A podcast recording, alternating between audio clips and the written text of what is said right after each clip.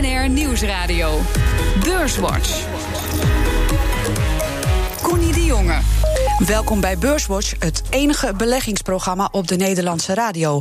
Vandaag met Edin Mujacic van OHV en Arend Jan Kamp van IEX Media. Welkom allebei. Goedenavond. Ja, Goedenavond. Jullie collega's eh, voorspelden vorige week eh, dat de AEX op weg is naar een nieuw record. Deze week eh, kwam het er in ieder geval nog niet van. Het was een beetje een lach- en een traanweek. Redelijke cijfers voor Philips en Shell. ING viel tegen en Air France KLM is zelfs in de rode cijfers beland. Um, Arend Jan, hoe kijk jij terug op deze week?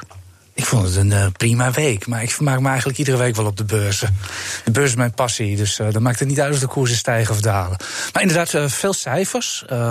Apple viel mee.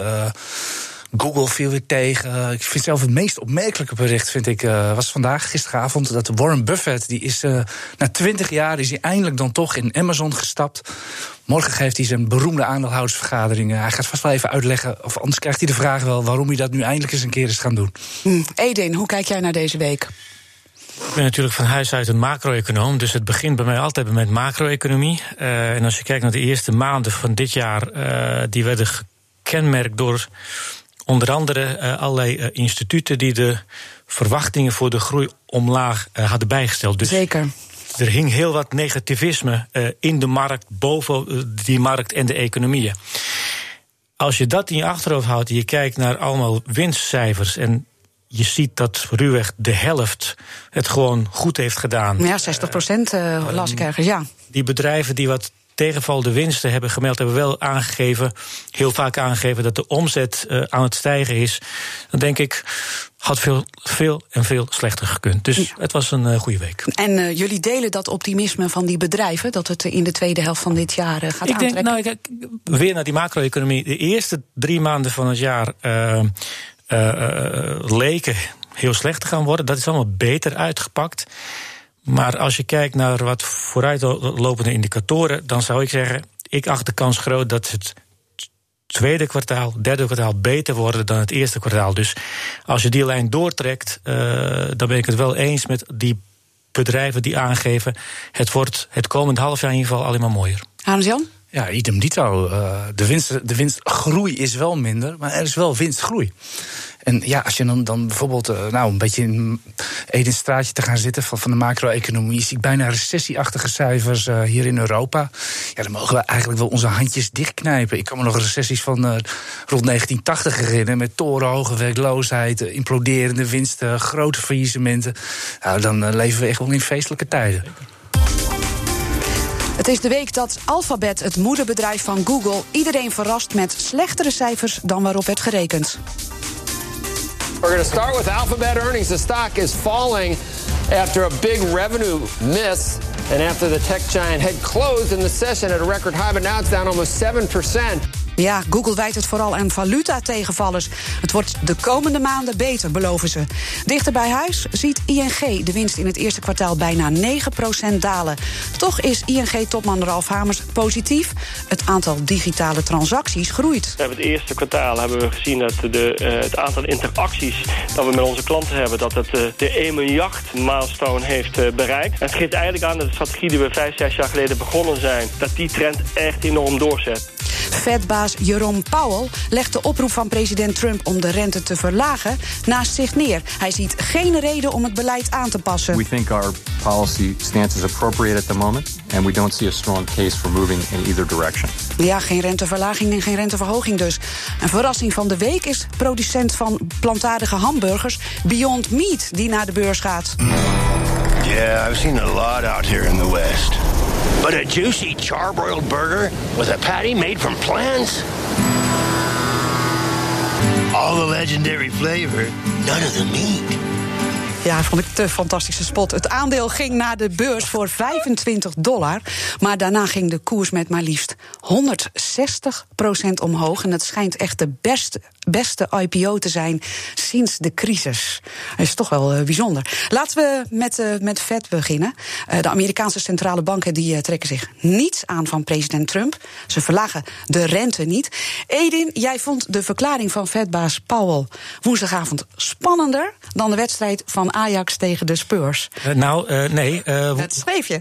Woensdagavond was het een Ajax speelde een avond daarvoor. Oh, sorry, dinsdagavond. Uh, woensdagavond was ook een hele spannende wedstrijd. maar voor mij was de wedstrijd van woensdagavond toch. Kijk, je hebt het rentecomité van de Fed.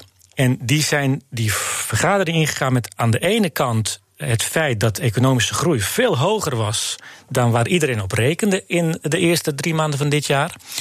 Terwijl de inflatie lager was. Mm -hmm. En dan ga je in zo'n meeting. Ik vroeg me af, waar gaan ze dan voor? Want als je zegt die hoge economische groei, dat verbaast ons. Dan zou je de rente moeten, of in ieder geval hinten op renteverhoging. Mm -hmm. En als je die te lage inflatie belangrijker vindt, dan zou je de rente moeten verlagen. Um, wat hij heeft, heeft, heeft gedaan is in mijn ogen duidelijk gekozen voor het laatste. Die inflatie, dat die te laag is, vindt hij ernstiger dan dat de groei te hoog is. En vandaar dat hij woensdagavond perfect meegedeeld heeft, inderdaad, voorlopig gaat de rente nergens, uh, uh, nergens heen. Als je dat ziet in het kader van het grotere beeld, het is een ideale omgeving voor financiële markten. We hebben het over hogere groei, 3,2% in Amerika. Inflatie is 1,6% in Amerika, dus echt aan de lage kant. En de Fed houdt de rente op 2,25% en zegt daarbij. Die rente houden we nog heel lang op dat lage niveau. Um, het is een ideale omgeving, zeker in de wetenschap dat je weet, als belegger weet je, de Fed kan het zich niet veroorloven om te gaan hinten op rente, uh, renteverhoging later dit jaar. Want dat is wat ze eind vorig jaar hebben gedaan. En we hebben allemaal gezien hoe de markten daarop gereageerd hadden. Ja, die storten Koersen 15% omlaag. Dat wil de Fed niet meer meemaken. Dus je zit in een ideale omgeving eigenlijk. Ja, wat vond jij van die uh, van het rentebesluit. Uh, heb jij het gevolgd, uh, Arend? Ja, zoals iedere keer. Edens verhaal haalde ik er niet helemaal uit. Ik vond vooral, het was inderdaad ook wachten tot die vraag zou komen: van hebt u nog wat van Trump aangetrokken? Echt waar, een avond van tevoren had Trump inderdaad letterlijk getwitterd van. hij vooral, moet er met een procent omlaag, hè, zei hij. Zoiets. In ieder geval, liet er geen misverstand over bestaan. Maar ik, ik denk dat het heel erg overschat, overschat wordt. Het was iets van een drie kwart jaar geleden. Dus zei Ellen Greenspan, dat is een ex-Fed-voorzitter. Mm -hmm. Die heeft vier presidenten meegemaakt. En die zei: Het was bijna dagelijkse kost dat ik door presidenten werd lastiggevallen of wat dan ook. Of ik de, de rente die in die kant wil uitsturen. Dus ik kijk hier helemaal niet zo van op. Maar er was één verschil. Dat ging natuurlijk allemaal informeel, wandelgangetjes, et cetera. Ja, en Trump die knettert het gewoon op Twitter. Dat is eigenlijk het enige verschil. Druk is er altijd vanuit de politiek op de, op de Fed. En ja, wat dat betreft uh, ja, ja, vind ik eigenlijk Trump wel zo prettig. Die doet het open nee, en bloot. dat is waar. Alleen, kijk, op het moment dat je dat in het openbaar doet, dan weet één ding vrijwel zeker: dat waar je als president om vraagt. Ga je niet krijgen. Nee, ik las de, de uitspraak van Wim Duisenberg ja, nog. Hele, Centrale bankiers zijn net slagroom. Hoe harder Inderdaad. je erin roert, hoe stijver ze worden. Dus, en dan ga je toch dat, daarover doordenken van. Die Amerikaanse president weet dat natuurlijk ook. En als hij het zelf niet weet, zijn er mensen om hem heen die het wel weten en die het tegen hem zeggen. Waarom doe je dat dan? Waarom? Ik, ik weet het niet. Ik, ik denk, maar dat is mijn inschatting. Volgend jaar hoopt hij herkozen te worden. Ja. Nou, stel dat dat niet lukt, dan moet hij denk ik een zondebok hebben. En dan kan hij volgend jaar in ieder geval zeggen: ja, als de Fed de rente had verlaagd, was ik herkozen geweest. Maar nu. Want dan was de economie ja. harder gegroeid en daar was ik dan uh, voor. Ik denk dat het daaraan ligt. Want hij weet heel goed: als ik nu vraag om renteverlagingen, dan is dat de laatste wat de Fed gaat leveren. Want het imago van de Fed is, is een van de waardevolste dingen die de bank heeft. Als de markt het gevoel krijgt dat je een schoothondje van de president bent, dan loopt het niet goed met je af. Nee. Met je reputatie. Kijken we even naar die Amerikaanse economische groei. We hadden het al even over. Hè, met meer dan 3% gegroeid in het eerste kwartaal. Arbeidsmarkt kwamen vandaag cijfers over. Draait op volle toeren. Werkloosheid is sinds 1969 niet zo laag geweest. Ook in Europa viel de economische groei het eerste kwartaal mee. Staat overigens in geen verhouding tot de economische groei in Amerika. Maar toch, um, Edin, zijn we te somber geweest over die wereldeconomie? Ja, jij zei het ja. net al, we hadden een. Jawel, uh, een, uh, Jawel kijk, wij hebben, uh, wij hebben eind vorig jaar echt, echt een heleboel niet alleen mensen, maar een heleboel instellingen, zoals het Internationaal Monetair Fonds, de OESO, e die hebben een paar tegenvallende macrocijfers doorgetrokken als, als zou de groei helemaal wegkomen te vallen. Dat, wa, dat was nergens voor nodig. Zeker omdat, kijk, het is altijd actie-reactie. Als de groei afneemt, uh, gaan de overheden niet zeggen, nou, we moeten maar zien hoe het afloopt. Die komen ook in actie. Dat zag je heel duidelijk in China bijvoorbeeld. Dat zie je in Europa ook voor een deel. Begrotingstekorten van eurolanden lopen een beetje op. Dat is gewoon stimuleren van die uh, economie die het toch lastig had aan het eind vorig jaar. Die stimuleringsmaatregelen, daarvan weten we, het kan eventjes duren, maar die werpen vruchten af. Dat is wat je nu heel duidelijk ziet. Mag ik je heel even vragen? Je had het daar net over werkloosheid in Amerika, laagste niveau sinds 1969. Doe eens een gok. Waar stond de Fed-rente op dat moment? Oh, ik heb geen idee. 8,85 procent. Dus een wereld van verschil tussen. Dus dezelfde, het, hetzelfde niveau van werkloosheid nu als eind jaren 60. Toen bijna 9% rente, nu 2,25% rente. Ja. Arend Jan, heb jij ook uh, zo'n zonnige bril op uh, als Hedin? ja, ik moet meteen denken aan dat in 1981 stond de rente zelfs bijna 20% in Amerika. Het was een torenhoge inflatie. En ook toen kreeg de Fed-president weer bakken met kritiek over zich heen. Het is, het is altijd, het is pas ongezond als een Fed-president of een centrale bankpresident geen kritiek krijgt. Hoor. Die, over die overtuiging heb ik inmiddels wel. Je, je vraag over de, over de economie. Uh, ik ben zelf nog niet helemaal overtuigd. Van de week zijn de inkoopmanagersindex indices uitgekomen. Jullie hebben het over het BBP. Dat is een cijfer over kwartaal 1. Die zijn nog geweest. Inkoopmanagers indices zijn altijd de huidige cijfers. Daar kijk ik zelf als belegger veel liever naar. Ja. Die, uh, in Europa zou je kunnen zeggen dat de, de, economische dip, want die is er echt wel. Ja, die is misschien aan het uitbodemen. Weten we ook pas achteraf. Dus dat zou kunnen duiken op kunnen duiden dat we weer gaan, uh, dat we weer gaan draaien. Maar dat wil ik nog wel eerst zien. Ja. En het meest opvallende, dat is eigenlijk wel heel leuk. Het meest opvallende cijfer vond ik wel. Dat één cijfer sprong er heel erg uit. Dat was de Griekse inkoopmanagersindex. Die was de hoogst van iedereen ter wereld. Dat hadden we tien jaar geleden denk ik ook niet durven hopen. Kijk, we hebben het hier heel vaak over, um, over de vraag hoe doen onze uh, exporten het, wereldhandel. Dat is heel belangrijk voor onze groei. Maar zowel voor Amerika als eurozone geldt. Het zijn de, wat wij met z'n allen in ons eigen land uitgeven, dat is waar de economische groei het vooral van moet hebben. Nou, en als ik met die ogen daarnaar kijk, dit geldt zowel voor Amerika als, als, als, als hier bij ons. De lonen die stijgen met ongeveer 3% 3,5% terwijl de prijzen met 1,5% stijgen. Dat betekent dat de koopkracht omhoog gaat. Mensen hebben het geld om uit te geven. En dankzij de stijgende koers op financiële markten zijn ze ook optimistischer aan het worden. En dat is de combinatie op basis waarvan ik zeg: het zou me niet verbazen als de het, het komend half jaar veel beter wordt dan de eerste drie maanden van dit jaar. Oké, okay, zometeen. Ik denk dat er nu wel een heleboel luisteraars boos zijn. Want die zeggen natuurlijk, merkt er helemaal niks van dat we meer krijgen. Dat moet nog komen. Laten we zo over verder. Uh, en dan uh, gaan we het ook hebben over de cijfers van Air France KLM. Uh, want dat is diep in de rode cijfers gedoken. En natuurlijk ook over ING. Nieuwsradio. BNR Beurswatch. Ja, we bespreken de belangrijkste beursontwikkelingen van deze week. En dat doe ik met Arend Jan Kamp van IEX Media en Edin Mujacic van OHV. Als ik, als ik je even mag onderbreken voor vorige onderwerp mag, mag inhaken, er waren veel reclames net. Dus het zit blijkbaar wel goed met de, met de conjuncturen. we gaan eerst de balans opmaken van uh, afgelopen week. De AEX sloot op 568,7 punten. Dat is 0,3% hoger dan vorige week. Stijgers. Ja, de drie grootste stijgers in de AEX van afgelopen week Philips plus 4,4 procent. Shell op 2 plus 2,1 procent. En Unilever plus 1,4 procent. Het midcap aandeel dat het het beste deed was Altis. Dat kreeg er 8,9 procent bij. Dalers. Dalers. Dalers. De drie grootste dalers in de AEX deze week. Op 1 Adyen, min 5,2 procent. Op 2 Unibail Rodamco, min 3,2 procent. En op 3 ArcelorMittal, min 3 procent. In de midcap was metaalbedrijf AMG de grootste daler. Daar ging 7,9% vanaf. De AEX is deze week drie van de vier handelsdagen hoger gesloten.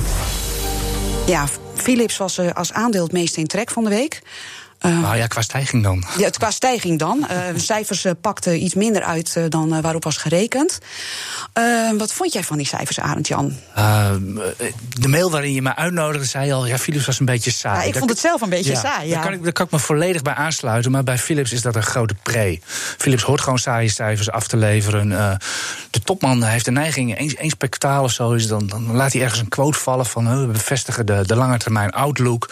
Nou, dat, dat had hij ook dit kwartaal weer gedaan. En de cijfers waren daar ook na.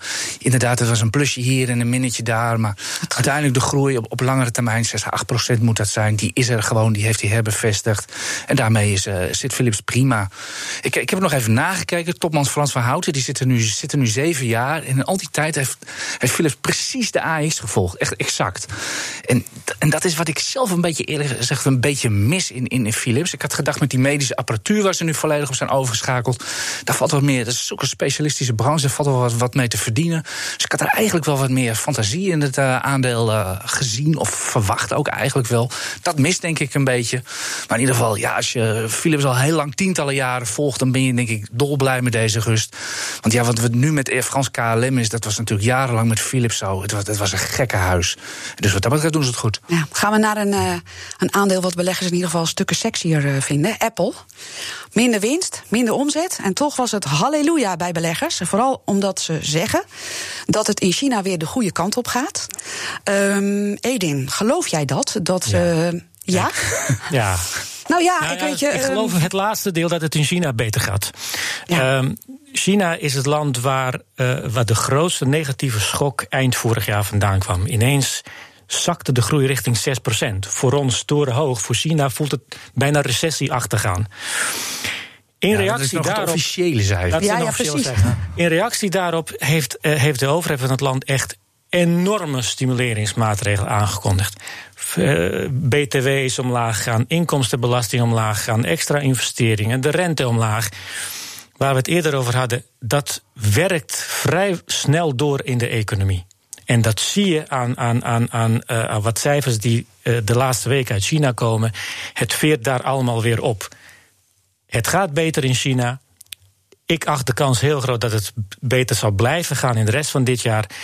En die correlatie tussen Apple en China is gewoon heel sterk. Dus als het met China beter gaat, heb ik geen enkele reden om uh, uh, niet aan te nemen dat het ook met Apple beter zal gaan. Oké, ja, ze Nou, dan, verkopen moet je, er dan moet je wel even opmerken dat Apple de prijzen in China ook, ver, ook verlaagd, verlaagd heeft. heeft, ja. Ja, het is natuurlijk uh, wanneer, vorig jaar die drastische prijsverhogingen bij, bij Apple, daar hebben ze toch wel een, zeker in China, echt hun hand mee overspeeld.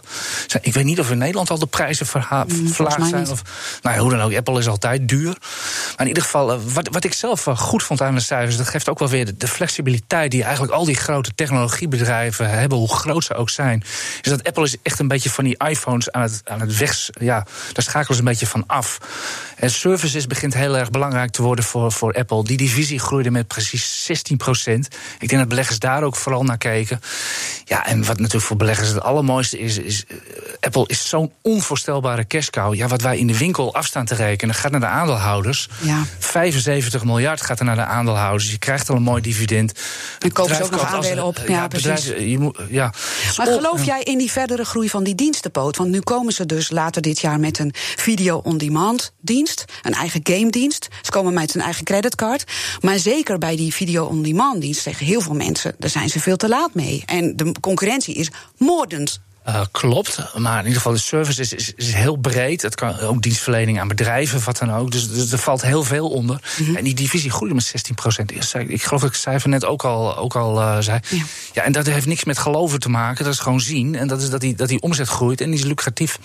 Dus uh, jullie zien het aandeel wel zitten. En ik heb de indruk. Apple, Apple, is, Apple, Apple is gewoon. Uh, corrigeren ja, als het niet zo is. Mijn indruk is dat de loyaliteit van klanten van Apple enorm hoog is. Dat, dat is het. Het is zo'n ongelooflijk sterk merk. Goud waard. Ja, ja, ja nou, maar daarvoor, daarvoor is het ook voor beleggers, denk ik, een no-brainer om hier een lange termijn in te beleggen. Het is uh, altijd goed. Ongelooflijk sterke balans. Ja. Het is een prachtig merk. Uh, ze keren ongelooflijk veel aan de aandeelhouders uit. En ja, dat is een hele trouwe fanbase. Ja. Een andere uh, bedrijf wat juist heel erg werd afgestraft. Alphabet, het moederbedrijf van Google. Het kwam met cijfers die tegenvielen. Um, Edin, hoe, hoe kijk je daarnaar? Want er werd dus gesuggereerd dat uh, Google misschien wel terrein aan het verliezen is. Met name als het gaat om die advertentieverkopen aan bijvoorbeeld Amazon. En, uh... Ja, kijk, op het moment dat je iets hebt wat heel lang heel veel geld oplevert, dan is het natuurlijk niet zo raar dat andere bedrijven proberen om daarop uh, in te spelen. En je kon er bijna op wachten totdat iemand dat met enig succes doet. Dus het verbaast mij niet dat het voor uh, Google niet meer zo makkelijk is om gewoon geld overal uh, weg te trekken vandaan te halen. Ja. Het voer je gewoon Concurrentie meldt zich ja. ook. Dus, uh, ja, Facebook en Amazon zijn natuurlijk ook hele grote alleen. jongens. Uh, ja, ja, ja, dat, is, dat is de trend onder adverteerders. Uh, zeker in Amerika, die gaan niet meer naar Google om te adverteren. Ja. Maar die adverteren rechtstreeks, rechtstreeks op Amazon Facebook. of op Facebook. Daar heeft, daar heeft Google op dit moment heel erg last van. dan zijn ze bij Google niet op hun achterhoofd gevallen. Dus ik denk dat dit, dit zijn trends die zijn, zien zij natuurlijk ook.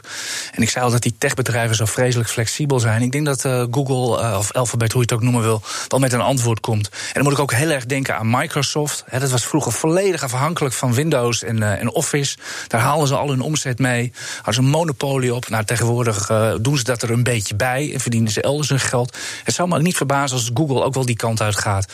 Die Google-zoekmachine die is, die is niet te kloppen, denk ik. Maar in ieder geval, hoeveel geld ze daar nog uit kunnen halen, dat zal misschien wel steeds minder worden. Maar dan gaan ze het elders wel weer verdienen. Of tenminste proberen. Ja. Laten we even kijken naar de flexibiliteit van onze Nederlandse bedrijven. ING. Um, kwam met uh, um, een winstdaling van bijna 9 procent. Um, werd ook wel uh, een beetje afgestraft op de beurs, hoewel ze zich uh, later weer herstelden.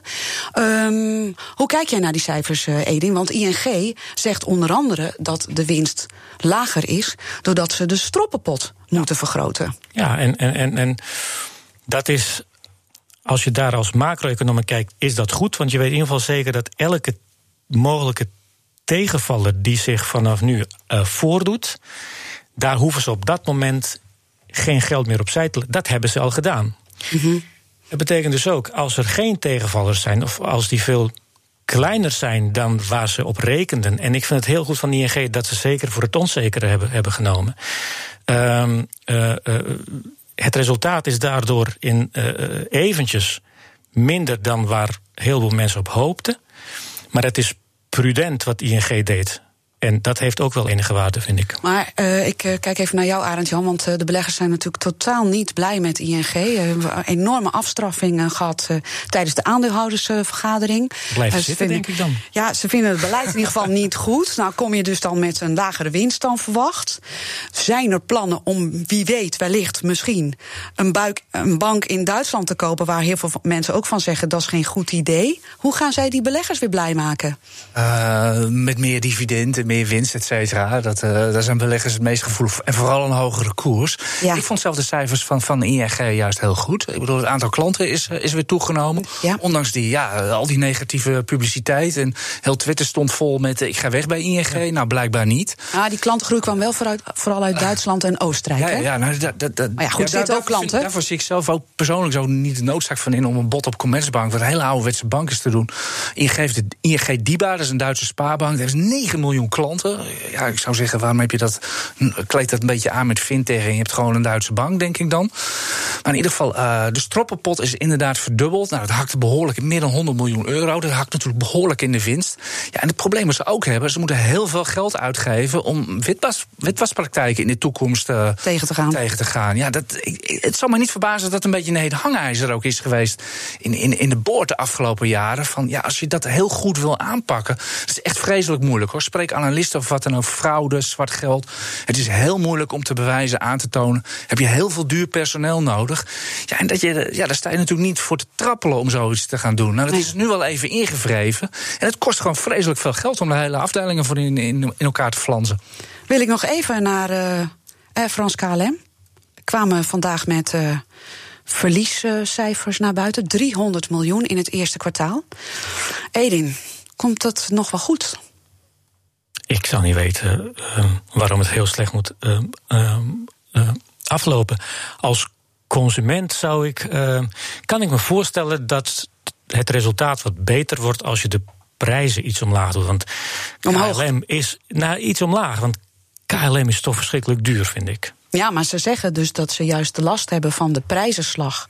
Uh, die andere bedrijven inmiddels al de kop heeft gekost. Die zijn uh, over de kop gegaan. Ja. En ze hebben heel erg last van de uh, oplopende brandstofkosten. Dus naar verhouding zijn hun kaartjes te goedkoop. Te goedkoop. Te goedkoop. Nou, ja, ik kan niet mooier maken. Heel, heel veel mensen een heel ander beeld hebben. ik denk dat dat bedrijf in het verleden aangetoond. Kijk, we hadden het net over Google, uh, al die andere bedrijven. Wat zij in ieder geval niet hebben, is het probleem van Air France KLM. Twee bedrijven uit twee landen die semi-geïntegreerd zijn, maar ook weer niet. Dat levert heel veel problemen op afgelopen jaren levert het ook heel, uh, een heleboel negativiteit op. Ze zijn er altijd goed uitgekomen. Ze hebben het altijd weten op te lossen. Waarom zou het nu niet gebeuren? Wil jij nog beleggen in luchtvaartaandelen, uh, Arend Jan? Nee, dan moet nee. ik echt stoppen. nee, absoluut niet. Nee, uh, het is, de vorige keer bij de vorige cijfers stond ik hier toevallig ook met Jim Theo Poering. En dat was ongeveer het enige waar we het echt over eens waren. Dat je hebt als belegger gewoon niks te zoeken bij Air France KLM. Je kan heel leuk in handelen, maar het bedrijf sinds het bestaat 2003 hebben ze geen cent aandeelhouderswaarde gecreëerd en ze keren al tien jaar geen dividend uit. Dus als belegger heb je er gewoon niks te zoeken. We zijn, Spijt me om te zeggen. we zijn uh, bijna aan het eind van Beurswatch, maar uh, voordat ik jullie laat gaan, uh, wil ik graag nog een tip van jullie.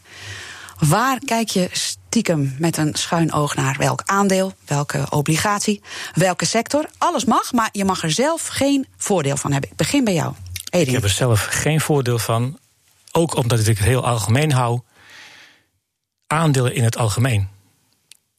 Ja. Omdat de omgeving waar we het net over hadden eigenlijk in mijn ogen ideaal is. Je hebt te maken met lage inflatie, je hebt te maken met hoge groei, je hebt te maken met redelijk grote kans dat de groei in de komende uh, zes maanden wat hoger wordt. En je hebt te maken met lage rentes uh, die laag blijven. Dus dat betekent het alternatief voor aandeel, obligatie, dat levert heel weinig op dan maar in aandelen. Dus dat record van, dat, eh, van de AEX, dat komt er wel.